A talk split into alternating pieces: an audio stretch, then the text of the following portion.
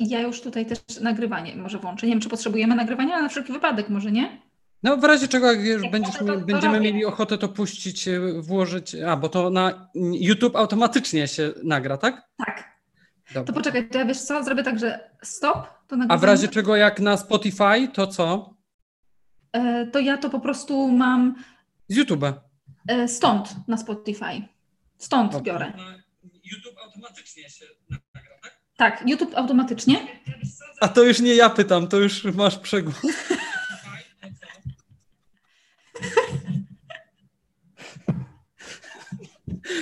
Jak zwykle, dzień dobry. Jeżeli ktoś nas już słyszy, jest 20 i jak zwykle rozpoczynamy od heheszków. No ale okej, więc czy my już się tam włączyli? Nieważne. Nieważne. Dobra. Sorry. Okej, poczekaj, poczekajmy, poczekajmy, zobaczmy, czy się zbiorą ludzie i czy, wszyscy, czy ktoś tam odpisze i wtedy zaczniemy mówić, ok? E, już włą- włączyłam, puściłam, bo ty, ty tutaj mówiłeś, a ja myślałam, że ty, znaczy Tak. ty mówiłeś tutaj, bo mi się włączyło na tym, aha. Dokładnie. Pani doktor Anna, ja miałem siedzieć w tym samym fotelu, tylko w kolorze szarym, ale stwierdziłem, że światło jest nieodpowiednie i zmieniłem miejsce. Ale co ci nie pasuje w tym świetle teraz? A nie, teraz okej, tylko mówię, że też miałem siedzieć w fotelu identycznym, tylko że szarym. Czekaj, poszło to na, YouTube, na Facebooku. Ania, jesteś wyciszona. Wyciszyła się, wyciszyła ci się, mm, Poszło? wyciszył ci się mikrofon, przepraszam. Już? Zobaczmy, o! już mamy pierwszy komentarz, o już wesoło. Oczywiście. O, już wesoło. Okej, dobra. Ja tylko wiesz co? E, Będziemy za chwilę zaczynać, tylko poczekam, aż się zbierze może trochę więcej osób. I o, cześć wszystkim. We are live. Okej, dobra. E, tutaj ja tylko może na Insta jeszcze dam informację i widać, że już chyba działa, prawda? Słyszycie nas? Okej, pozdrawiamy. e, Ja pozdrawiam z Warszawy w takim razie. Pozdrowienia mamy z Gdańska. Jesteście ze mną tutaj, prawda? Jesteśmy, jesteśmy. Pozdrawiamy również. Oczywiście. Okej, ja już tutaj. Witamy i o zdrowie. uśmiech. Witamy i o zdrowie pytamy. Okej. Sercowo-naczyniowo oczywiście. Znaczy nie, no każdy już nie będę taki. Psychiczne również jest ważne. Wszystko jest ważne. Pozdrawiamy także Polskie Towarzystwo Medycyny Stylu Życia, bo tutaj Oczywiście. będziemy oczywiście okręcać, mm, kręcić wokół tego tematu. A Iwona, to co? Tak, Zaczynamy? już możemy zaczynać. Ja już tutaj mam pod kontrolą. Działa, wszystko słychać. Super.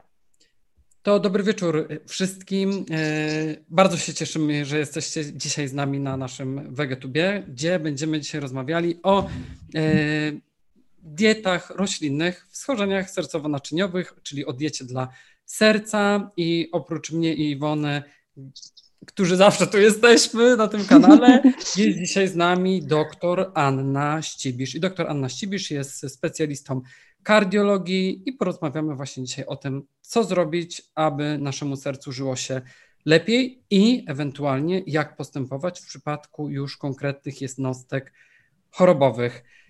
Dzień dobry, dobry wieczór Aniu, Iwona. Cześć. Cześć, dobry wieczór wszystkim.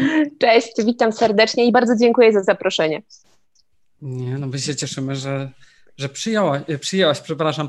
E, Aniu, może zacznijmy od tego, czy mogłabyś nam mm, powiedzieć, z jakimi problemami kardiologicznymi najczęściej przychodzą do ciebie pacjenci e, i no właśnie o jakich, z jakimi chorobami serca tak naprawdę mamy najczęściej do czynienia? Może wy jako lekarze, ja już powiem ogólnie, i czego byście tak naprawdę też oczekiwali od nas, dietetyków, i jak możemy my pomóc też pacjentom współpracując z wami? To Może tak zaczniemy. Pytanie. Jeszcze raz? Okej. To Długie pytanie zadałeś. Przepraszam. Zacznijmy od pierwszej części. Czyli Tak jest. o ja, jakie choroby? Jakie choroby najczęściej? E, Mhm. Tak naprawdę zależy to bardzo od wieku pacjentów, jaki, jacy do mnie trafiają.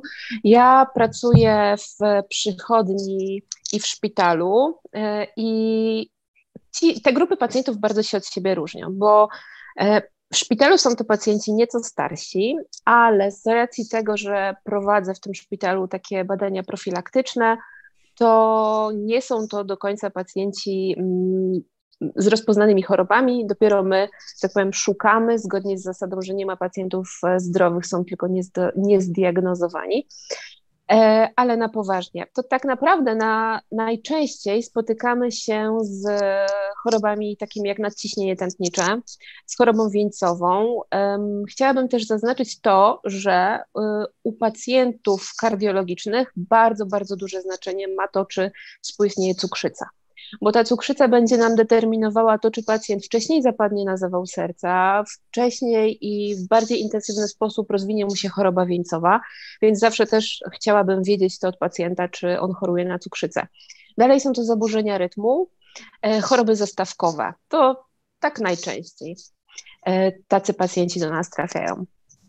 A ja mam tutaj akurat przy okazji zadam pytanie, dlatego że bardzo często ja to mm, widzę wśród moich pacjentów, jak e, zaczynam rozmawiać w ogóle o profilaktyce chorób serca, to a ja jestem młody, zawał mnie nie dotyczy, przecież zawału nie dostaje 30-latek. Czy to jest prawda? E, tak naprawdę najmłodszy pacjent, jakiego leczyłam z zawału serca, miał 26 lat i był to właśnie pacjent z cukrzycą, był to pacjent z hiperlipidemią rodzinną, a więc obciążony bardzo mocno, pacjent otyły i z nadciśnieniem tętniczym, a więc on sobie nazbierał tak naprawdę te wszystkie czynniki ryzyka, o których dzisiaj myślę tutaj będziemy mówić. Więc pacjenci się też bardzo różnią między sobą. Oczywiście jeśli ktoś jest zdrowy, ćwiczy, dobrze się odżywa, odżywia, to też taki zawał może mu się przydarzyć. Natomiast statystycznie będzie y, to miało miejsce znacznie później niż u takiego pacjenta, który sobie właśnie troszeczkę nagrzeszy i swoim stylem życia i no, będzie obciążony dodatkowo na przykład genetycznie. No właśnie, dlatego że tutaj a, Iwona, przepraszam. No tak, bo tak naprawdę miażdżyca, um, miażdżyca i zwłoki lipidowe, to wszystko się zaczyna już tak naprawdę w okresie dzieciństwa, dorastania tak, i przez całe życie my też po prostu mamy na to wpływ, czy te objawy będą, czy te, e, te choroby u nas wystąpią. Pamiętam, że kiedyś czytałam, nie wiem, czy czytaliście takie badania e, ze Stanów, dzieci, które były mm, zabrane po wypadkach i sprawdzano im i sprawdzano im stan tętnic i okazało się, że te mhm. małe dzieci właśnie już miały zmiany miażdżycowe. Ja nie pamiętam dokładnie w jakim wieku te dzieci były, ale chyba nawet poniżej pięciu albo poniżej dziesięciu tak. lat na pewno. Tak, tak, tak. O tym też wspomina zresztą e, dr Greger w książce swojej How Not to Die, że tam takie mm, znaleziska rzeczywiście w tętnicach były, co dowodzi tego, że ta miażdżyca e, towarzyszy nam przez całe życie i tak naprawdę, jak ja to swoim pacjentom tłumaczę, tych zmian nie można usunąć, te zmiany można zahamować. I tak naprawdę od naszego stylu życia, od tego, co będziemy jedli, jak będziemy kontrolowali swoje choroby przewlekłe, zależy, mm, jak to wszystko będzie się rozwijało. Właśnie, bo tutaj jak będziemy kontrolowali, bo można odżywiać się już w miarę zdrowo, ale na przykład nie dosypiać i być zestresowanym, e, być na przykład osobą, e, takim typem osobowości A, tym bardziej mhm. wrażliwym i po prostu bardziej na wszystko reagować. Bardziej wrażliwa osoba będzie reagować, e, będzie bardziej zestresowana po prostu takimi nawet bachowskami czasami. A jeszcze chciałam się za Ciebie zapytać, jak przychodzi do Ciebie pacjent, e, wiadomo, wdrażasz leczenie, ale jak wspominasz o diecie, to jak reagują pacjenci, jeżeli e, na przykład mówisz, że trzeba by zmienić dietę? Czy dopytują, e, czy powinni iść do dietetyka, albo na przykład na jaką dietę, albo co pani proponuje, czy, e, czy raczej, aha, trzeba zmienić, tak? Mm-hmm. Ja już się nauczyłam troszeczkę mówić od razu tym pacjentom więcej o diecie, dlatego że samo wspomnienie o diecie, on w natłoku tych wszystkich informacji, które ode mnie uzyskuje w gabinecie, często pomija. Często tak naprawdę taki pacjent wychodząc z gabinetu, jakby ktoś w poczekalni zapytał go, mm, co pani doktor panu zaleciła, to on nagle mówi, o kurczę, nic tego nie pamiętam. Gdyby nie to, że dostaje tak. spisane te zalecenia, dokładnie, albo pomacha receptą, chociaż teraz jest elektroniczna, tak. więc tak naprawdę pokaże kod w telefonie. Um, I ci pacjenci otrzymują tak bardzo dużo informacji, że mm, faktycznie może im to gdzieś tam umykać. E, po pierwsze, to ja odkąd e, zaczęłam się tak interesować tą medycyną stylu życia mm, i czytać badania, zobaczyłam, jaki duży wpływ ma to na zdrowie pacjentów, to mm, z każdym pacjentem rozmawiam o diecie.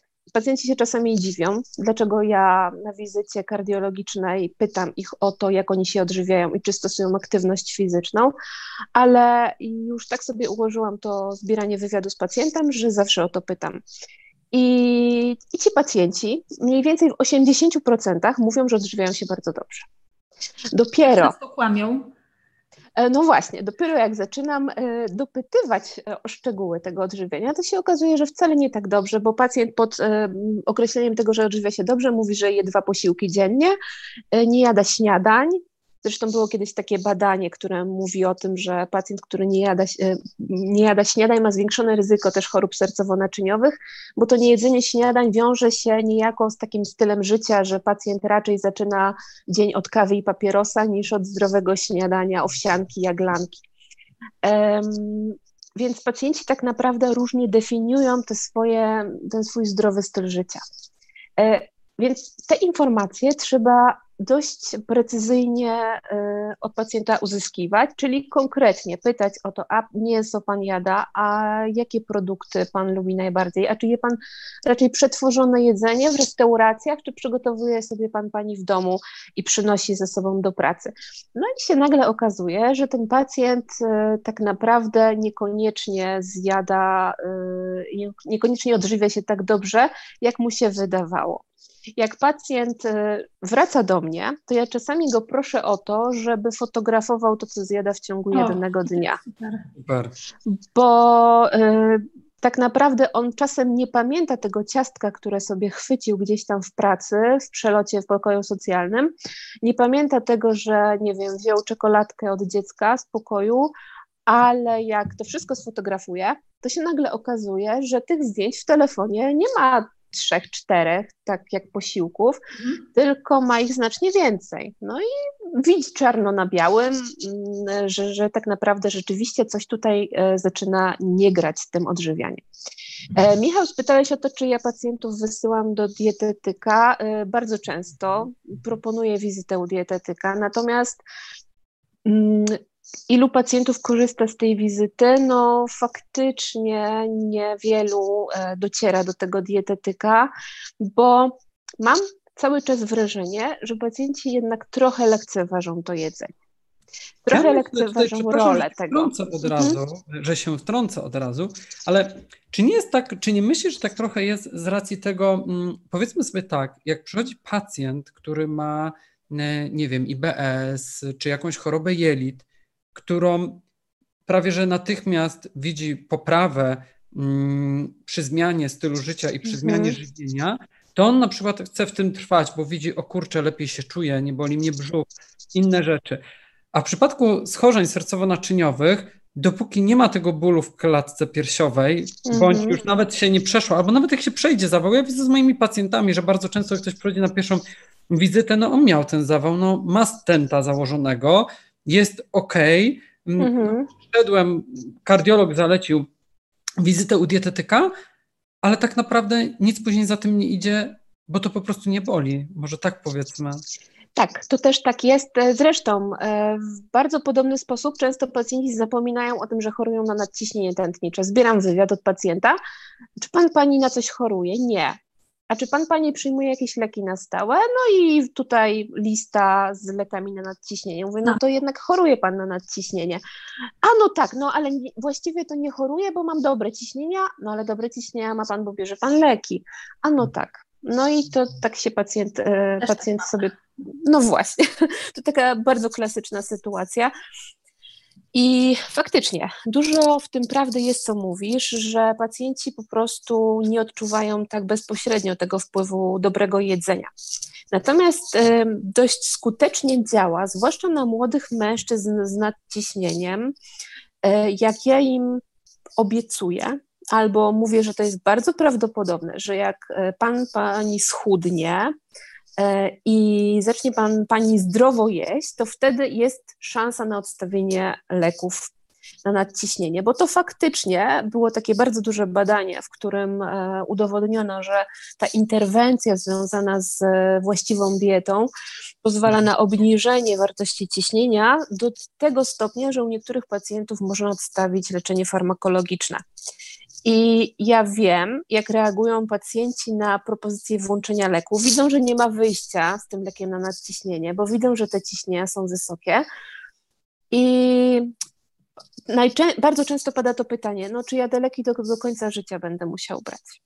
Mówię, no nie, pod warunkiem, że pan e, schudnie do prawidłowej masy ciała.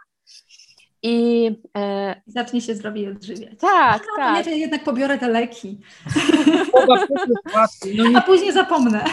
Myślę, że dla niektórych pacjentów to jest super motywujące. I miałam ostatnio, mm, jakiś miesiąc temu, takiego pacjenta w gabinecie, któremu zaleciłam na wizycie, żeby schudł około 15 kg.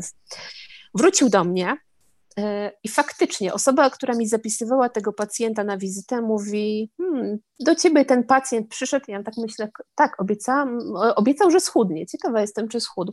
Faktycznie.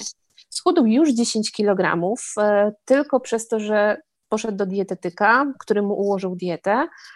I wchodząc do gabinetu mówi, wie pani co, obiecała mi pani, że odstawi mi pani leki na nadciśnienie. Proszę, to jest spis moich ciśnień. I te ciśnienia były naprawdę super.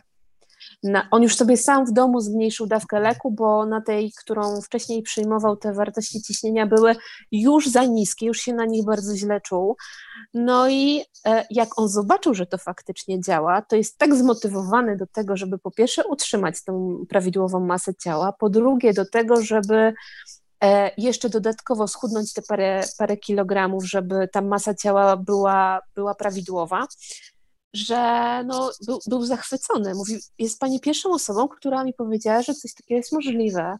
Wielu pacjentów żyje w przekonaniu, że leki na nadciśnienie to do końca życia i od nich się nie można uwolnić, a tu nagle taka niespodzianka. I myślę, że taki pacjent będzie też miał większą motywację, żeby utrzymać tę prawidłową masę ciała, żeby, żeby utrzymać te zdrowe nawyki e, żywieniowe, no bo na pewno nie chciałby wrócić do, do przyjmowania leków. Pod warunkiem, że uwierzy e, w to.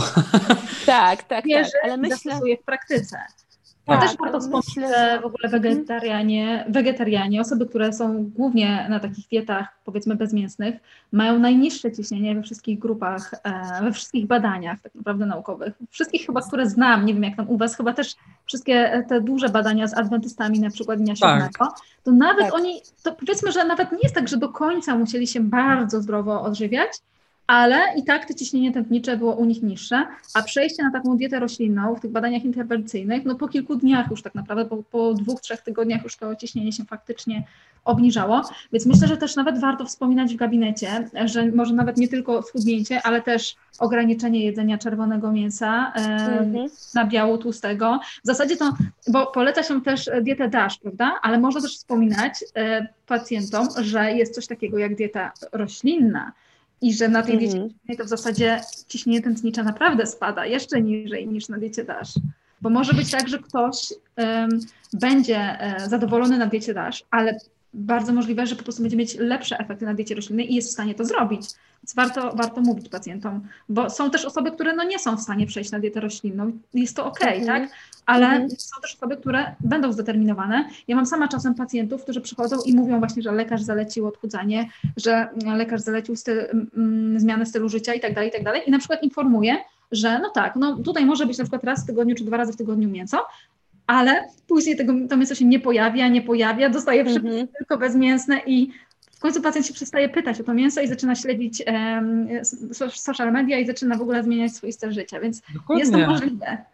A także jest łatwiej na pewno pacjentowi, który już był na diecie DASH czy na śródziemnomorskiej, na pewno będzie łatwiej przejść e, tak. płynnie w dietę roślinną. Mhm. Tak, bo i tak to mamy tak ograniczone. to nawet nie, jest, nawet nie jest tak, że musi być na 100%, prawda? Bo od czasu do czasu, jak ma ochotę zjeść czy, czy sery, czy, czy jajka, czy nawet mięso, to jest ok, bo to jest tak, że nawet nie musi raz w tygodniu, może jeść raz w miesiącu, jeżeli mhm. ma na to ochotę, ale głównie taka dieta roślinna, super nawet dobrze, jak zacznie chociaż od jednych, jednego dnia w tygodniu, na przykład bezmięsny poniedziałek.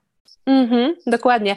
Ja tak naprawdę y, zauważyłam, że odkąd sama przestałam jeść mięso, to bardzo często z pacjentami o tym rozmawiam. A może by Pan spróbował nie jeść mięsa? Zawsze, zawsze też pytam o to, czy pacjent je mięso, bo mm, w badaniach to widać. Miałam pacjenta weganina, który miał rewelacyjne wyniki. Tak niskiego cholesterolu LDL nie widziałam bardzo dawno.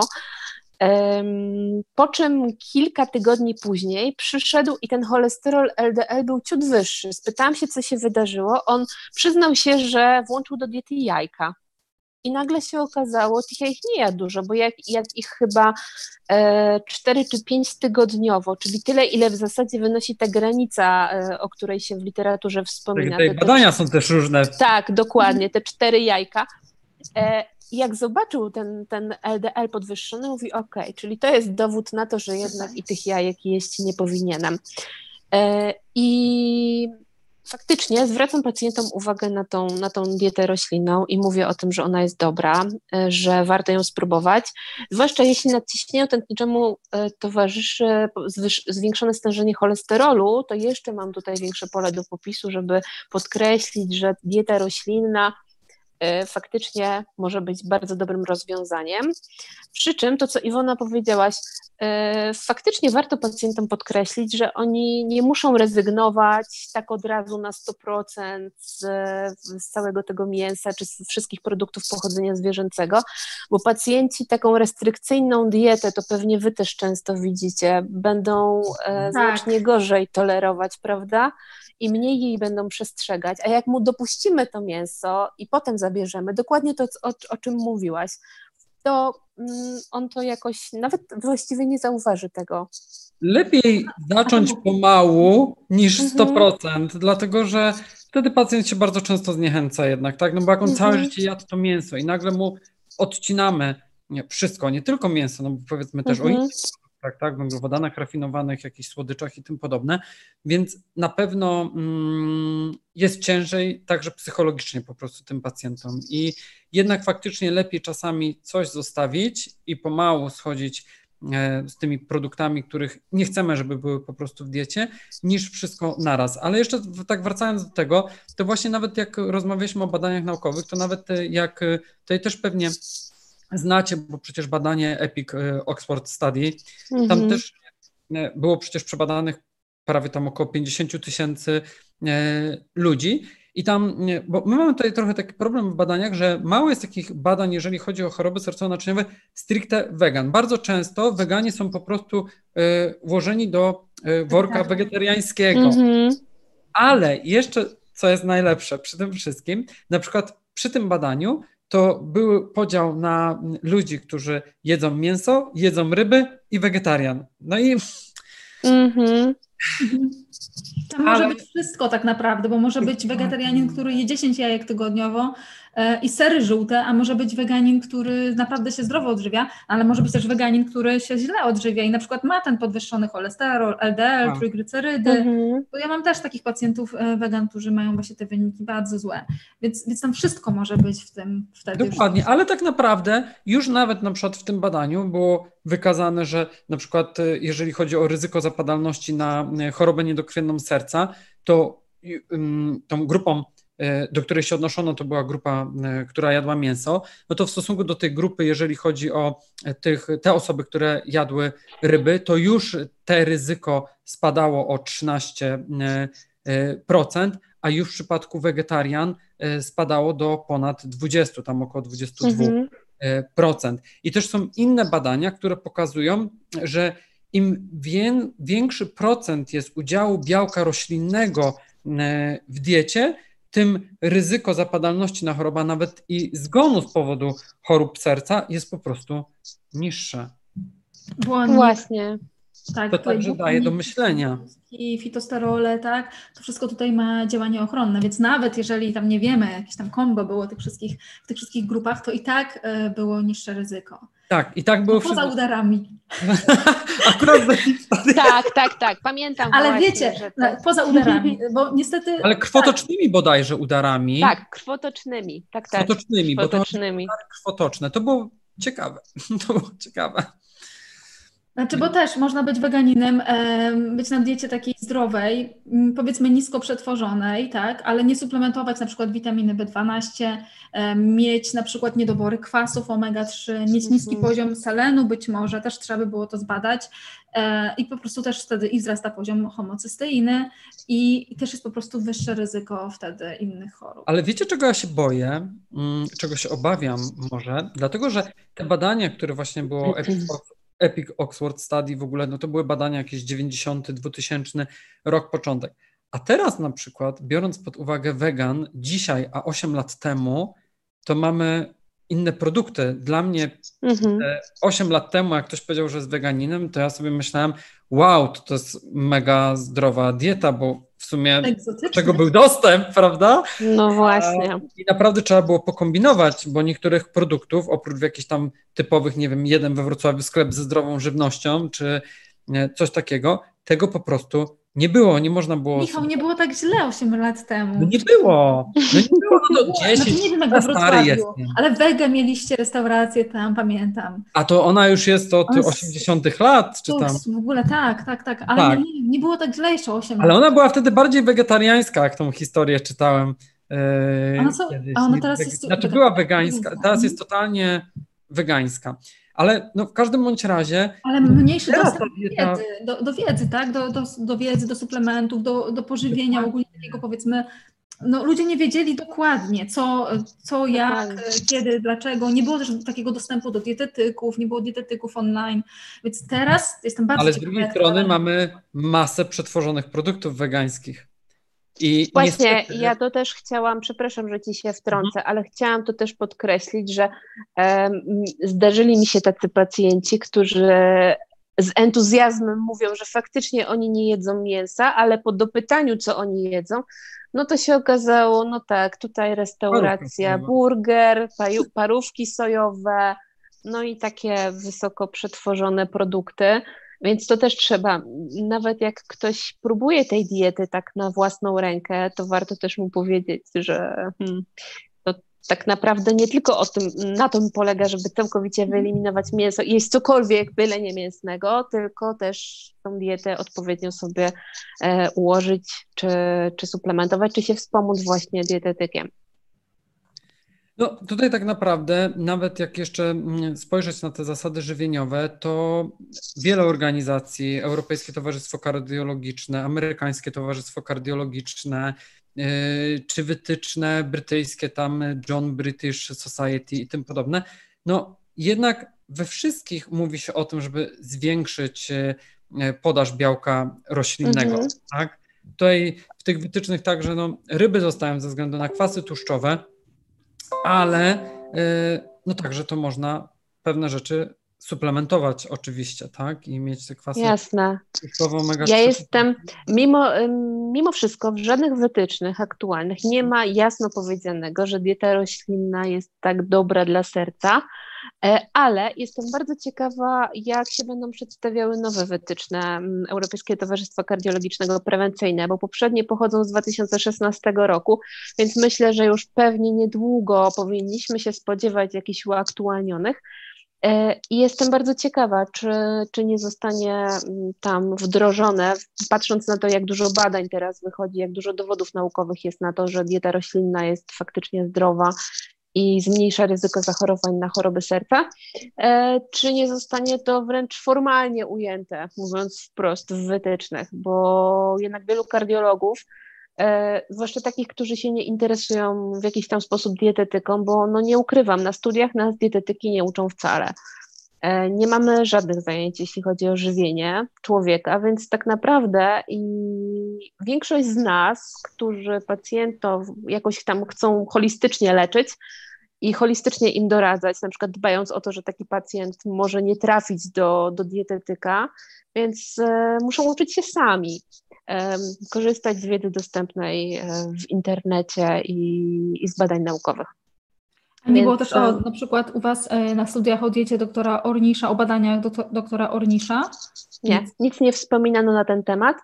No bo oczywiście tradycyjne leczenie, bypassy, wszczepienie mhm. stentów, a to jest akurat super ciekawy temat z dietą ornisza, bo no, pacjenci często pytają o to, czy da się uniknąć tej operacji serca, czy da się uniknąć tych bypassów.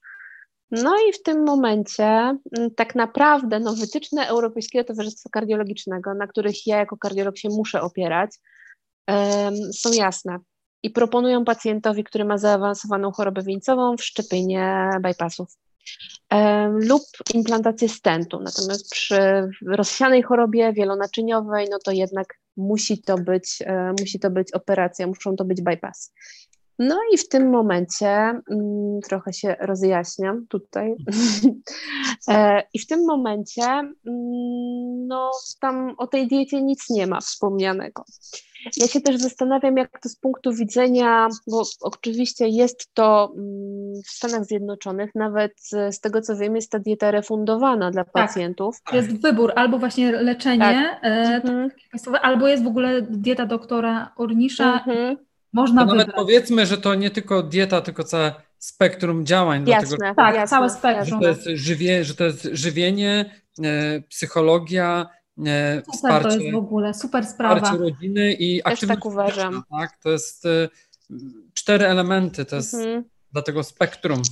Też wspomniałam, jeszcze przepraszam, że ci przerwę, też jasne, wspomniałam o, e, o tej diecie właśnie doktora Olnisza, bo ja kiedyś, e, pamiętam wiele lat temu czytałam jego książkę i od tamtej pory jestem wierną fanką doktora Ornisza, mhm. tym bardziej, że on też nie podchodzi tak stricte do tego wszystkiego, że trzeba wszystko eliminować, mhm. że on też miał w tej swojej diecie dla pacjentów, którzy chcieli jakiś niskotłuszczowy jogurt, tak, miał mhm. oprócz oprócz diety e, pacjenci mieli też ćwiczenia relaksacyjne, oddechu, medytacji, mhm. e, nie wiem, jakieś różne, nawet chyba tam łącznie z terapią seksu związane, nie wiem dokładnie, ale ogólnie e, różne, różne, pamiętam, że tam były rzeczy. Tam chyba wyszło już... Dobrostan psychiczny tego tak, człowieka. Dobrostan psychiczny i teraz, teraz chyba też ta książka, która wyszła w Polsce, ona się nazywa Spektrum, to chyba tak mi się wydaje, że to jest nowa edycja, że nie jest to dokładnie to samo, co ja czytałam taką starą książkę.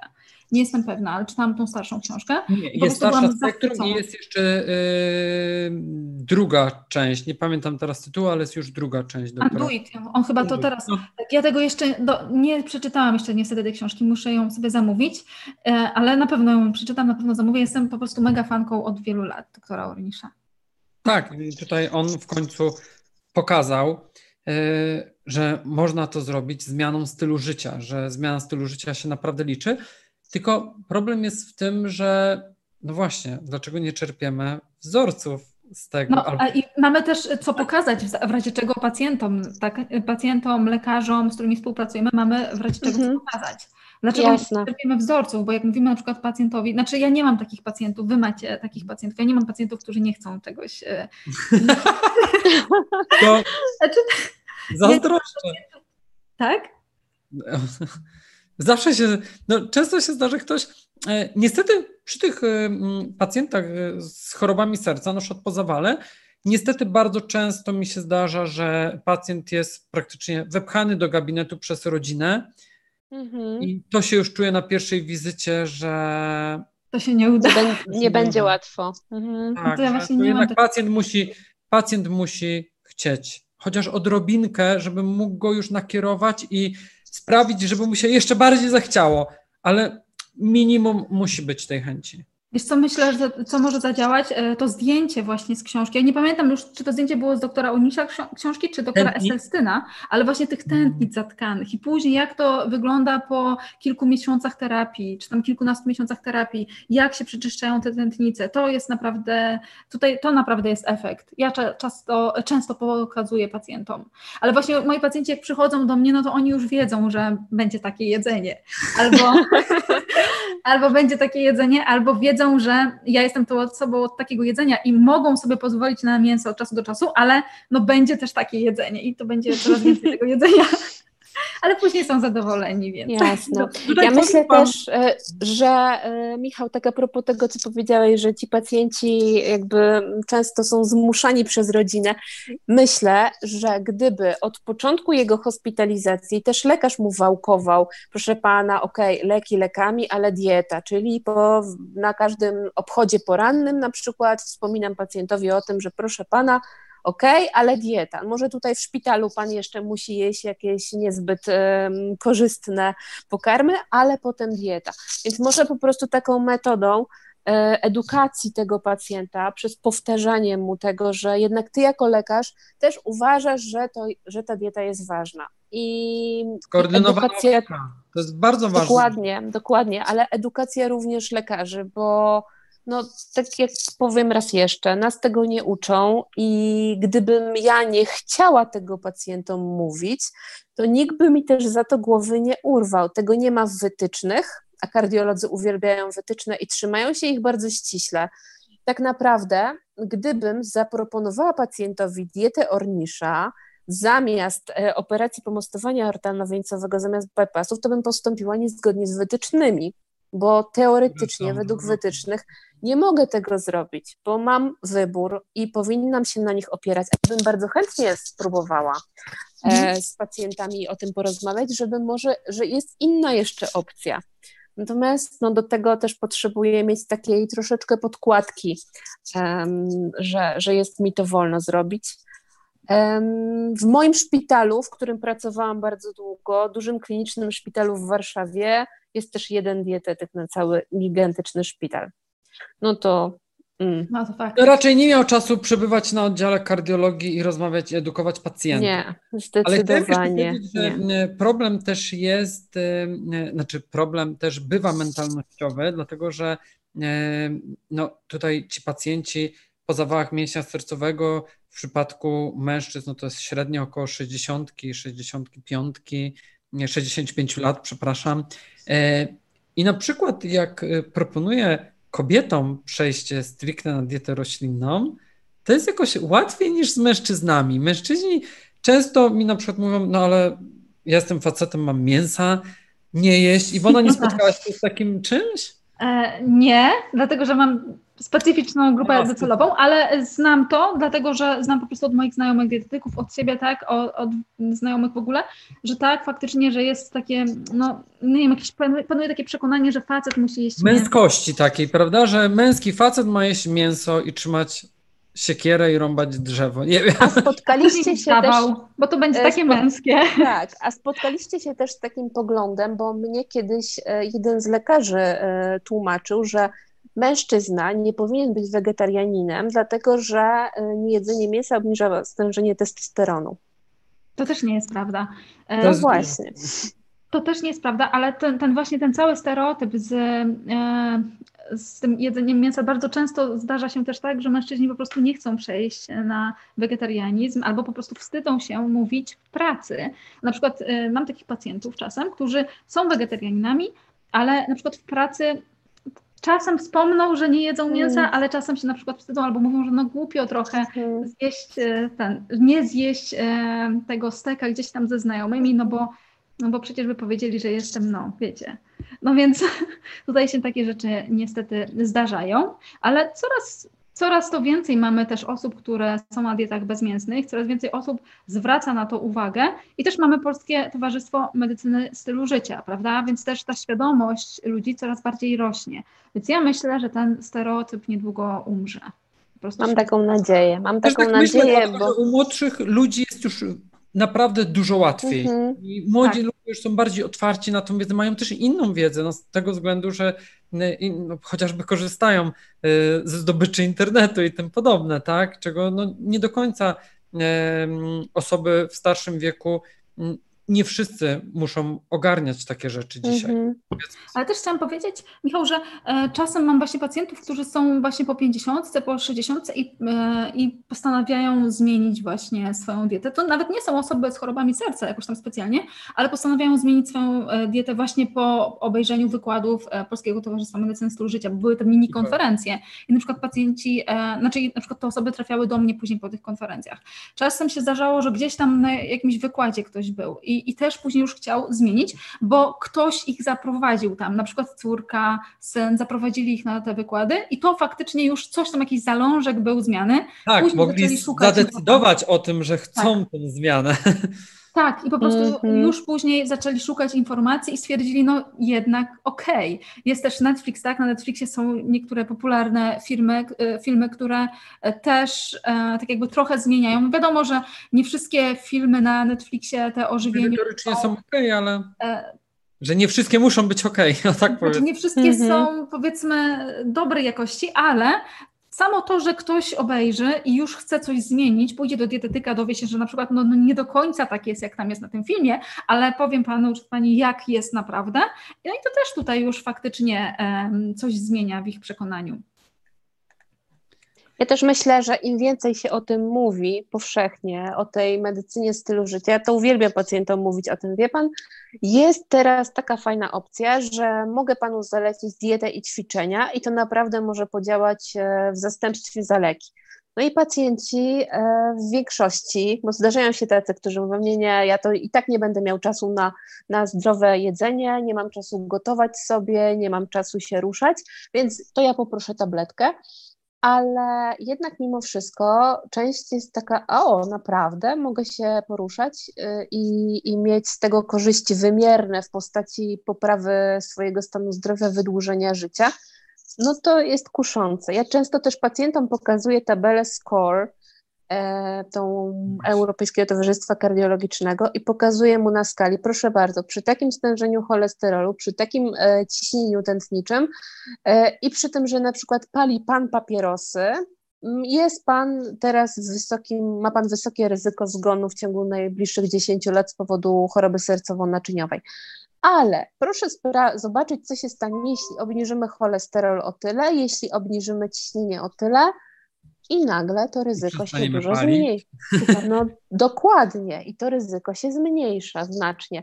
Więc ci pacjenci też jakby chcie, chcą często działać kompleksowo. E, często jest też tak, że oni mają na tyle wysokie wartości cholesterolu czy też ciśnienia, że ja ich nie mogę zostawić bez leku mhm. bo no, to jest niebezpieczne dla nich. Um, jeśli ktoś przychodzi z LDL-em na przykład 210 przy normie do 115, no to no, nie mogę, nie mogę zostawić Tutaj bez czasami leczenia. Mam dietetyczny problem ze swoimi mhm. kolegami i koleżankami, dlatego że Niestety zdarzają się dietetycy, do których przychodzi pacjent od kardiologa i na przykład mówią, niech pan odstawi te leki, bo my dietą Ej. obniżymy mm -hmm. poziom cholesterolu. I... No to tylko po konsultacji z lekarzem właśnie. Dokładnie, ale to powinno być, więc e, jeżeli ktoś nas słucha i bierze takie leki, to po konsultacji z lekarzem. My możemy wspomóc e, dietą i lekarz będzie decydował o obniżeniu e, dawki, o odstawieniu, ale o takich rzeczach decyduje lekarz, a nie dietetyk.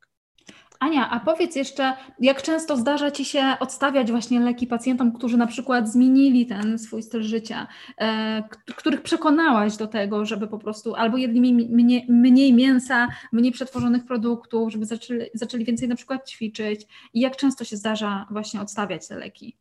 E, coraz częściej mi się to zdarza i tak jak już powiedziałam wcześniej, najczęściej mi się to zdarza, najczęściej mi się to udaje u młodych mężczyzn, bo jeśli trafia do mnie dwudziestokilkulatek z nadciśnieniem tętniczym, no i mówię, no niestety ma pan na tyle wysokie wartości, że muszę panu włączyć ten lek, ale czy wyobraża pan sobie na przykład przez najbliższych 50 lat brać lek na nadciśnienie tętnicze? No to chyba nie jest fajne. No i ten pacjent zawsze mi przyznaje, że to nie jest fajna opcja. E, I w tym momencie jest ta furteczka i to pole, żeby tutaj zadziałać właśnie z medycyną stylu życia. Mówię, okej, okay, no to tak, e, powiedział mi Pan wcześniej, że Pan ma mało aktywności fizycznej albo niezbyt dobrą dietę, ale jeśli Pan się do tego teraz przyłoży, to jest szansa na to, że odstawimy leki. I... A w przypadku statyn? A w przypadku statyn jest też tak, że bardzo często mi się to udaje, ale też podkreślam pacjentowi kilkukrotnie, że to jest nasza współpraca. Jeśli będziemy dobrze współpracować, to jest szansa na odstawienie leków. Jeśli nie, no to przykro mi bardzo, ale będę ciąż te leki przepisywać. Specjalnie faktycznie... statyny, przepraszam, mm -hmm. powiem, mm -hmm. z tego względu, że jeżeli chodzi o leki na ciśnienie, gdzieś tam praktycznie pacjenci już wiedzą, że tak się może stać. A w przypadku statyn jednak bardzo często myślą, że nie, no już dostałem statyny, to już całe życie będę je brał. Dlatego też zapytałem, żeby tak, tak, tak. że to też tak nie jest. o statynach też e, zawsze wspominam, że jest szansa na to, żeby je odstawić, co zresztą jest jeszcze prostsze do, do, do wyjaśnienia pacjentowi. Ja zawsze pacjentom rysuję blaszkę miażdżycową, jak ona wygląda, że ona jest tam w środku tym rdzeniem lipidowym wypełniona, że tak naprawdę ten, e, ten, ten cholesterol, który, który zjada, to, to nie jest tak, że on się nie, gdzieś tam podziewa. Zdarzają się też pacjenci, którzy pytają, poza tym, że pytają o skutki, e, o działania niepożądane statyn, mm, pytają o to, czy mogą obniżyć ten cholesterol za bardzo. Czy, bo wyczytali, że tak naprawdę hormony e, są zbudowane na bazie tego pierścienia cholesterolowego i boją się tego, że będą mieli jakieś, jakieś e, zdrowotne problemy, jeśli ten cholesterol będzie obniżony za bardzo, ale do tej pory nie zdarzyło mi się jeszcze, że pacjentowi odstawiałam, bo miał tak dramatycznie niski cholesterol. Zresztą, jak sobie popatrzymy na wytyczne Europejskiego Towarzystwa Kardiologicznego, to tak naprawdę u pacjentów, którzy są po zawale serca, to ten cholesterol możemy obniżyć bardzo, bardzo i to tym pacjentom nie szkodzi, a wręcz pomaga. E, no zresztą. A, tak, kończ. E, nie, czasem, czasem zresztą w, w, pod, pod, pod, pokazuję pacjentom, czy tam mówię, że wie pan, no pan ma tam tego z cholesterolu 210, wie pan jaki ja mam? 40 LDL. No i pacjent, o naprawdę, mówię, no i co, żyję, biegam, mam się dobrze. Także, ja mam 29. Wow. no to, Być może to jeszcze... nie wiem. No, tak jak mówię, no, ten cholesterol y, i tak, i tak wystarczy nam tego cholesterolu no tak. do, do syntezy tych hormonów. No nie mamy zaburzeń żadnych. Znaczy musi być poniżej Więc... 70, prawda? Żeby tak, tak, chronić tak, się przed tak. ryzykiem. Właśnie podsumujmy, tak, jeszcze mam taki pomysł, że podsumujmy teraz hmm. kilka tych właśnie czynników, które są najważniejsze, e, co jest ważne, co, co badać tak naprawdę. To i może ja zacznę, okay. na pytania. E, słucham? To może ja zacznę i powiem i tutaj... Jasne. Jeszcze, jeszcze tylko chciałam e, o jednej rzeczy powiedzieć, bo tak, poniżej 70 cholesterol LDL, prawda? Poniżej 150 mhm. trójglycerydy. Jednak mhm. E, te trójglicerydy no super jakby były jeszcze nawet niżej, bo może być też weganin, który ma trójglicerydy podwyższone bardzo, bo mhm. nie je mięsa, ale je na przykład słodycze, bardzo dużo słodyczy. Mhm. Tak, to też tutaj ogólnie widać po morfologii, też mam takich pacjentów mhm. morfologii, e, jak dużo na przykład jedzą słodyczy i na przykład pytam się, aha, słodyczy jest dużo w diecie? Tak. Tak.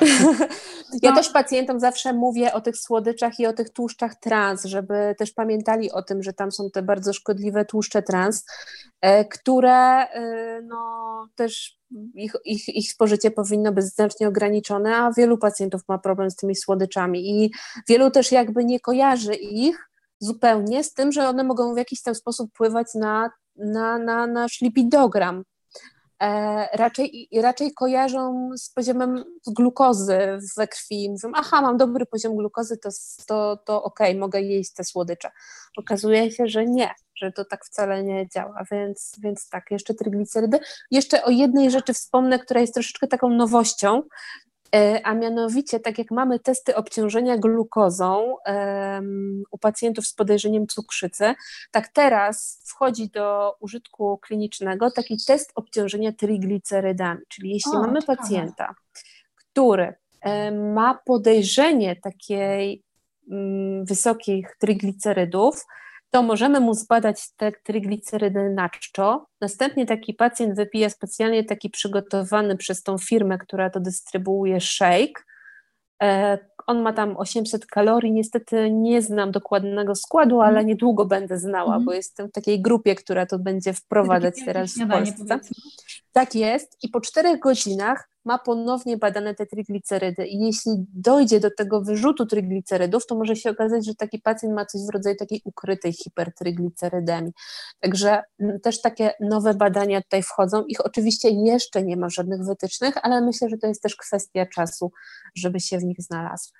Super, bardzo fajnie. To pod, o, Ania nam gdzieś na chwilę zniknęła i jest. Czyli tak, no. podsumowując, czy w profilaktyce, czy w leczeniu e, chorób e, serca chcielibyśmy, aby pacjent nie palił, żeby był aktywnym fizycznie człowiekiem, o tym już może innym razem będziemy mówili, bo to już medycyna stylu życia na pewno będzie.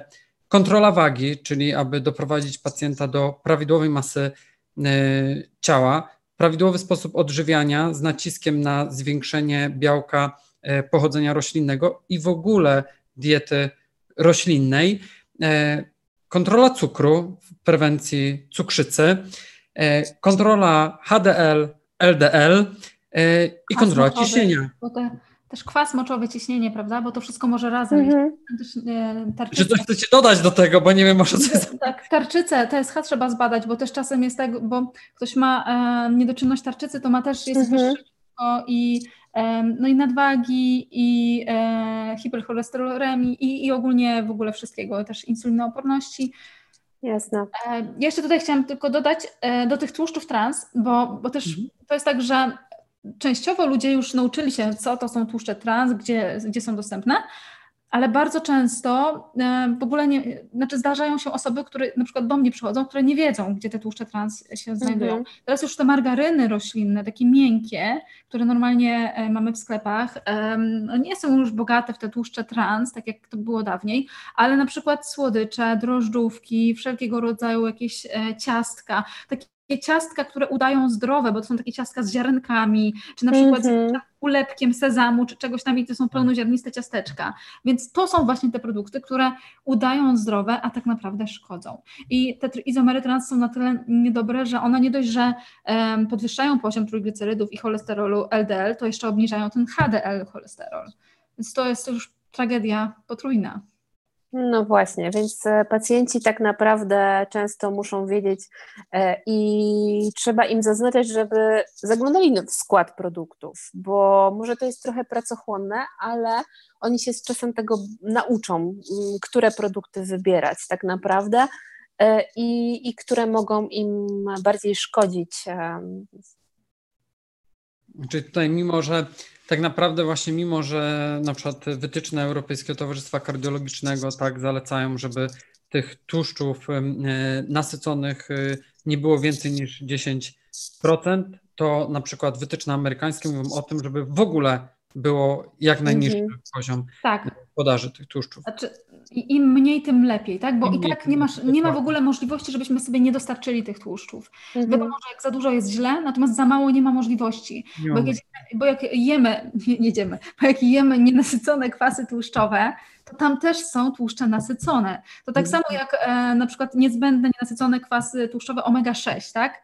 To też e, czasem w tych olejach, różnych w suplementach, do tych suplementów jeszcze musimy wrócić, e, są te tłuszcze omega-6, to pacjenci zdarza się, że suplementują właśnie te tłuszcze omega-6 albo omega-3, 6, 9 i tak dalej. A to te, te 3, omega-3 im są najbardziej potrzebne, a omega-6 też mają bardzo dużo w diecie więc dokładają sobie jeszcze więcej tych tłuszczów omega-6. No i właśnie, co jeszcze trzeba suplementować, e, jeszcze wspomnijmy, mm, profilaktycznie, właśnie te kwasy omega-3, no może nawet nie profilaktycznie, bo w leczeniu to już koniecznie, natomiast profilaktycznie, jak ktoś jest zdrowy, młody, to też dobrze jakby suplementować e, na wszelki wypadek. Jak ktoś nie je ryb, oczywiście, no i w ciąży, e, kwasy omega-3, przynajmniej te 250 mg na dzień, Witamina B12, jak ktoś nie je mięsa, dlatego że występuje tylko w produktach pochodzenia zwierzęcego i nie ma możliwości dostarczyć tej witaminy z jajek, jedząc jajecznicę raz w tygodniu w sobotę, to tylko to muszę podkreślić, bo e, jednak wiele osób tak uważa. E, witamina D, tak. witamina D wpływa na, mm na cały nasz organizm, na wszystkie choroby, więc witamina D musi być w normie, też warto ją badać. E, to tyle z tych suplementów, które są naprawdę niezbędne, tak? Do tego dochodzą no czasami rzeczy... jeszcze, bo tutaj może Ania, bo ja naprawdę tak nie używałem, e, nigdy nie miałem takiej potrzeby, ale są takie suplementy z czerwonego ryżu. Ania, mhm. O tym? Tak, tak. Są suplementy z czerwonego ryżu, które mogą trochę obniżyć stężenie cholesterolu. Trochę to znaczy około 10%. I tak naprawdę te suplementy są również e, zawarte w wytycznych Europejskiego Towarzystwa Kardiologicznego. Także to nie jest tak, że to jest jakiś tam wymyślony czy słabo przebadany suplement bo jeśli znalazł się w, wytycznych Europejskiego Towarzystwa Kardiologicznego, tych ostatnich dotyczących dyslipidemii, mm, to faktycznie musi mieć e, dowody naukowe. I jeśli pacjent ma ten cholesterol obniżo- e, podwyższony nieznacznie, nie jest jeszcze do końca przekonany do, e, do diety, a nad tym będę pracować na kolejnych wizytach, to ja mu czasami zalecam taki suplement e, tego preparatu z czerwonego ryżu, żeby ten cholesterol troszkę jednak obniżyć. I, I to jest normalnie dostępne. Mhm. To jest dostępne bez recepty. Tam jest w składzie monakolina, czyli taka substancja czynna z tego właśnie czerwonego ryżu i, i faktycznie u niektórych pacjentów bardzo ładnie to działa. Tylko musimy ja pamiętać, że to jest suplement. Opisane, a, przepraszam, mhm. tylko się chciałam zapytać, czy też są dawki opisane w tych e, zaleceniach? Tak, około 2 gramy powinno się tego przyjmować, żeby to... Cenowo jak wychodzi mniej więcej? Nie pamiętam, ile kosztuje mhm. ten suplement, powiem szczerze, ale jest taki preparat, który ma w nazwie Plus e, i nie, tutaj nie chcę absolutnie niczego reklamować i tam jest 30 tabletek w opakowaniu i jedna tabletka dostarcza tą dzienną dawkę tej monakoliny, więc e, no, mhm. część z pacjentów tego korzysta. Powiem szczerze, że sama też jakby na razie obserwuję, jak to będzie wyglądało. Czasami zalecam pacjentowi E, i mam teraz kilku takich, którzy się będą zgłaszać na wizyty kontrolne. Sama jestem ciekawa, w jakim stopniu to u nich te, te cholesterole obniży. No a tak cenowo to tam ja kiedyś sprawdzałem, dlatego że tam pacjent był chętny, ale w efekcie końcowym, jak już ktoś się jednak decyduje na tą dietę roślinną, to po prostu nie decydowałem się na mhm. Włączenie tego suplementu, ale e, w zależności od firmy to może być 50, 30, 50, nawet do 100 zł, w mhm. zależności czy to... Możesz Michał powiedzieć pacjentowi, co, co tam będzie pan suplementy brał, tutaj ma pan koktajl z jarmużu? koktajl z jarmużu jest lepszy, oczywiście. Podróży sobie pan lody z tego jarmużu. Do tego tofu, i tak jest. Lody z jarmużu i batata. I... Okej. Okay. Nie, Jeszcze... dlatego że faktycznie dla tych, y, tak jak Ania powiedziała y, tutaj, którzy na przykład nie są jeszcze pewni co do y, zmiany, mm, to jak najbardziej, dlaczego by nie spróbować, jeżeli to jest bezpieczny suplement. Z drugiej strony musimy pamiętać, że to jest suplement, czyli mhm. coś, mm, co nie jest przebadane dokładnie w składzie i niekoniecznie mhm. Ilość tego suplementu, która jest e, sugerowana przez producenta, musi się po prostu w nim znaleźć. I tu jest taki jeden problem suplementów. Ja jeszcze chciałam jedną rzecz podkreślić, taką, która przyszła mi teraz do głowy i jest dość ważna. E, u pacjentów, którzy są już po jakichś interwencjach, czyli po wszczepieniu stentu, po zawale serca, po bypassach, tak naprawdę według zaleceń Europejskiego Towarzystwa Kardiologicznego my musimy stosować określone leczenie. I nawet jak taki pacjent ma dobry cholesterol, to ten, tą statynę według zaleceń muszę mu dać, nawet w małej dawce, ale powinna ona jednak być, ma udokumentowane badania, stabilizuje blaszki miażdżycowe. E, mhm. Podobnie z lekami, mm, które również poniekąd działają na ciśnienie tętnicze, na przykład ACE inhibitory, które chronią serce, mają działanie udowodnione kardioprotekcyjne, natomiast też jakby są to leki, które obniżają ciśnienie. Ja też w mikro chociażby dawce pacjentowi taki lek muszę dać i tacy pacjenci tych leków nie powinni odstawiać. Mimo wszystko, nawet jak będą mieli świetny cholesterol, to, to jednak e, te wartości, te punkty odcięcia u tych grup pacjentów są niższe znacznie i tacy pacjenci leki muszą przyjmować, co ja im też od razu na wstępie mówię. Jeśli pacjent z innego powodu przyjmuje e, leki statyny, czy też leki na nadciśnienie, ok, tutaj sobie możemy pozwolić na ich ewentualne odstawianie, jeśli wyniki się poprawią, ale w przypadku pacjentów po zawałach serca nie. Czyli po prostu potwierdzamy to, że zawsze pod kontrolą lekarza odstawiamy tak leki. Tak jest. Czy pytamy lekarza, czy jest możliwość, czy te leki możemy odstawić albo zredukować dawkę. Zwłaszcza, I to coś do podsumowania jeszcze, bo jest już prawie godzina, a jeszcze mamy tutaj kilka pytań, widzę. Czy ty okay. jeszcze chciałbyś dodać coś do podsumowania, bo, czy jeszcze ja dodam coś? Yy, nie, ja już chyba wszystko. Bo jeszcze tak, bo musimy zwrócić uwagę przede wszystkim na pacjentów, na to, mm, co jest jeszcze, tak, jakie są choroby współtowarzyszące. Czasem jest tak, że w chorobach serca niestety jest zazwyczaj dużo. Jest dużo. Dokładnie. Tak, więc jest tak, że czasem jedna dieta wyklucza drugą i tak dalej, więc trzeba po prostu to dobrać. No po prostu jest to trudne wtedy. Trzeba zwrócić uwagę na niektóre składniki odżywcze jeszcze dodatkowo, bo może być tak, że ktoś jest bardziej podatny na stres, być może potrzebuje jeszcze magnezu więcej. Jeżeli na przykład niewystarczającą ilość ma wapnia z diety, to trzeba też tutaj też trzeba tutaj to, to wspomóc, tak? Potas, co jest jeszcze ważne. Witamina K. Kwas foliowy, prawda? Właśnie, a propos witaminy K, jeszcze bardzo ważna rzecz, Michał wiesz chyba o czym powiem, e, że pacjenci, którzy przyjmują leczenie przeciwkrzepliwe, czyli na przykład z powodu migotania przedsionków, e, czy też po przebytej zatorowości płucnej, pacjenci, którzy przyjmują leki z grupy antagonistów witaminy K, muszą bardzo zwracać uwagę na swoją dietę, dlatego że istnieją grupy produktów, które niestety zawierają bardzo dużą ilość witaminy K i zaburzą e, wartość e, wskaźnika, który tacy pacjenci powinni sobie badać mm. regularnie, czyli tego INR. Także to też zawsze dietetykowi trzeba uczciwie powiedzieć, jakie leki się bierze. Wtedy e, będziecie mieli szansę ułożyć tak. I później lekarzowi, dlatego że jeżeli on Oczywiście. na przykład tą dietę i wiadomo, żeby na przykład wcześniej ta podaż witaminy K była inna i teraz mhm. po to są wizyty kontrolne też z lekarzem i tutaj to pacjent musi sobie zdawać sprawę i te badania, żeby właśnie to wyregulować, tak? Jasne, czyli jeszcze raz wraca to samo nasza współpraca. Tak, i tutaj też trzeba wziąć pod uwagę to, że jest moda na suplementację witaminy K2, MK7, więc też e, to o, jest dokładnie. bardzo ważne, może być bardzo niebezpieczne. Mm. I też jeszcze z mhm. tą współpracą, że e, pacjent, który przyjmuje na przykład potas z suplementów, przechodzi na dietę roślinną i też może być za dużo potasu, więc wtedy to też mm -hmm. wszystko wtedy trzeba Czyli cały czas kręcimy się wokół tematu jest współpracy. Pacjent, mhm. Tak, jest dietetyk, pacjent, kardiolog, tak? Jeszcze prawdopodobnie badania. i inni lekarze, którzy e, te choroby współtowarzyszące też leczą. E, co, przechodzimy do... Dobra, do pytań może. Pytań, Jasne. dobra. Od początku zaczynam z tymi pytaniami. Czy są jakieś pytania w ogóle? Już sprawdzam. No właśnie, Słucham? Nagranie z tego webinaru. Dobra, żartuję, to jest pytanie faktyczne, ale nie, będzie nagranie. E, dzień dobry. Co w przypadku niskiego ciśnienia, e, a wysokiego tętna? Taki stan przed zawałem, taki sam stan przed zawałem i po, BMI 25. Mhm. E, niskie ciśnienie może być spowodowane między innymi lekami, które, które taki pacjent bierze po zawale serca. Często jest tak, że e, w czasie hospitalizacji z racji różnych chociażby stresów okołozawałowych, pacjent ma wyższe ciśnienia, w związku z tym lekarze, którzy pacjenta wypisują, wypisują go na nieco wyższych dawkach tych leków na nadciśnienie. Zresztą wspominałam o tym przed chwilą, że taki mhm. pacjent bierze leki chroniące serce, ale one jednocześnie obniżają ciśnienie. Więc może się okazać, że te dawki są ciut za, za wysokie, wtedy warto się skonsultować z kardiologiem ambulatoryjnie i ustalić, czy przypadkiem te dawki nie będą e, mogły być zmodyfikowane. Druga rzecz to jest picie odpowiedniej ilości płynów.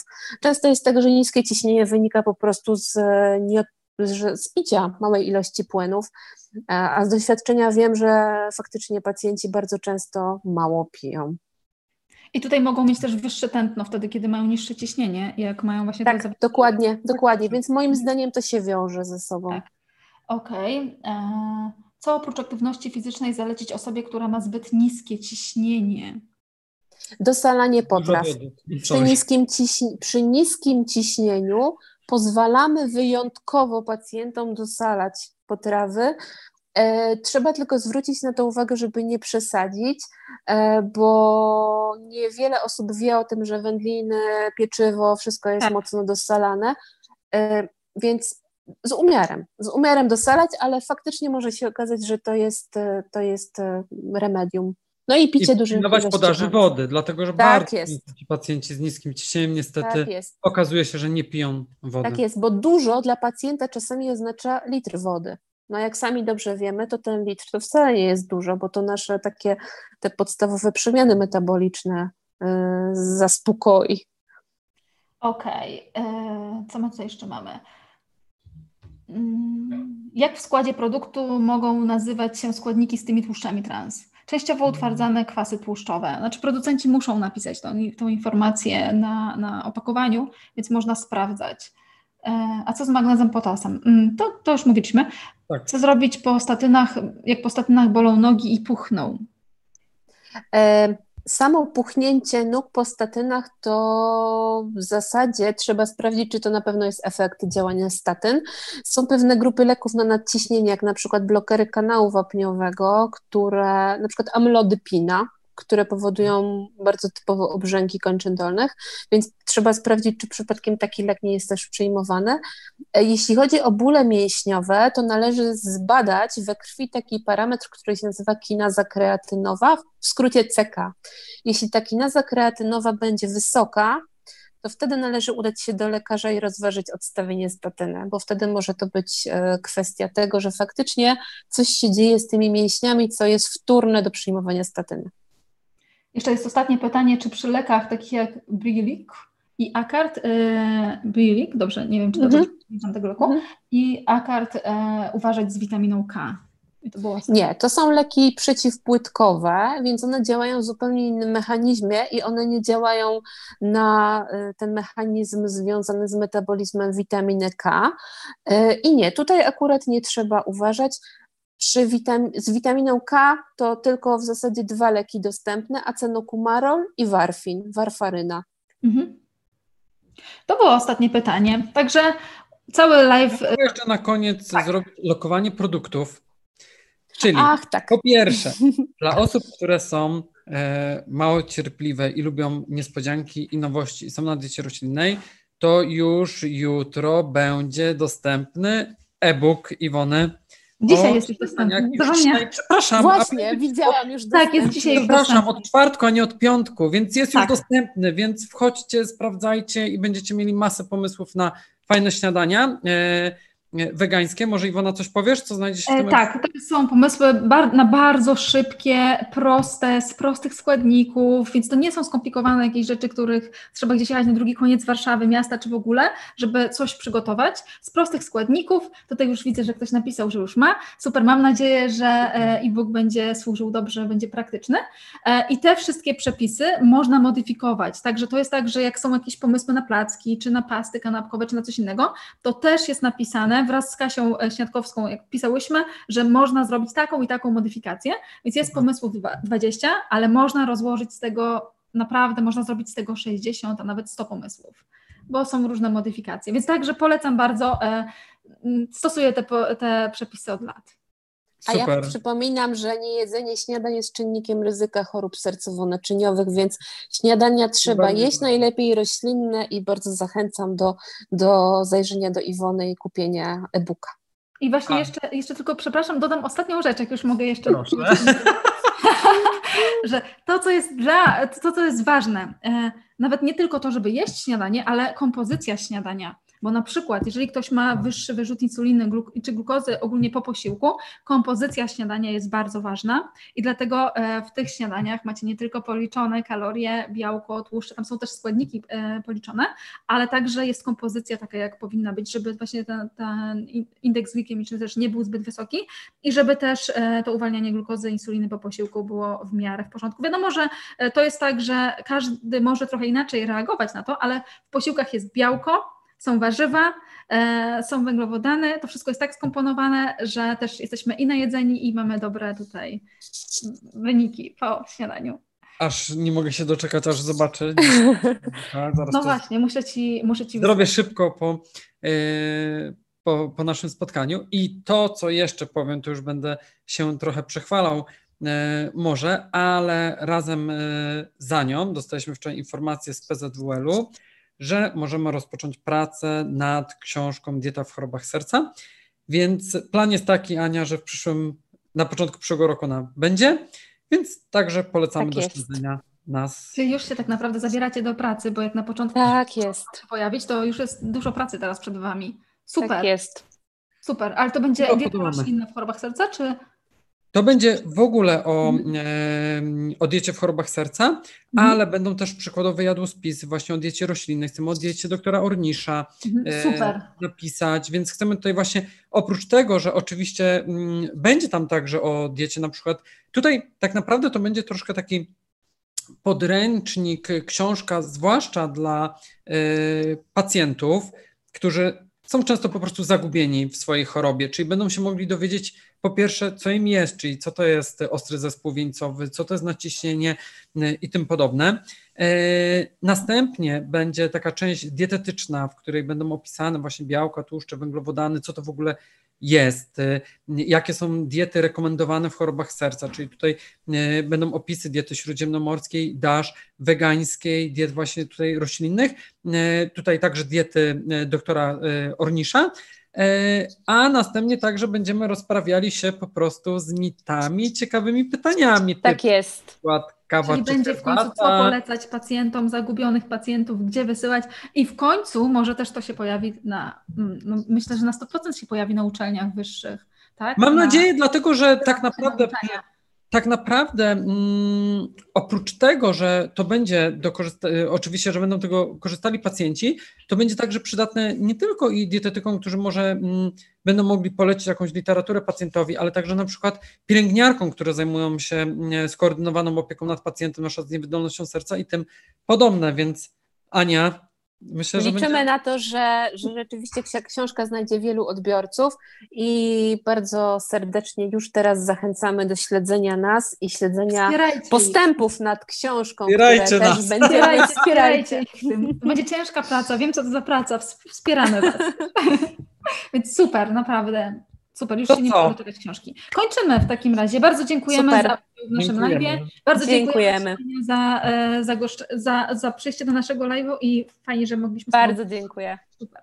I zapraszamy na kolejne tak. odcinki na naszym kanale. Już niebawem zobaczycie, co będzie ciekawego. Ogłosimy to szybciutko z Ifoną, znając życie. Dobra, pa. Miłego.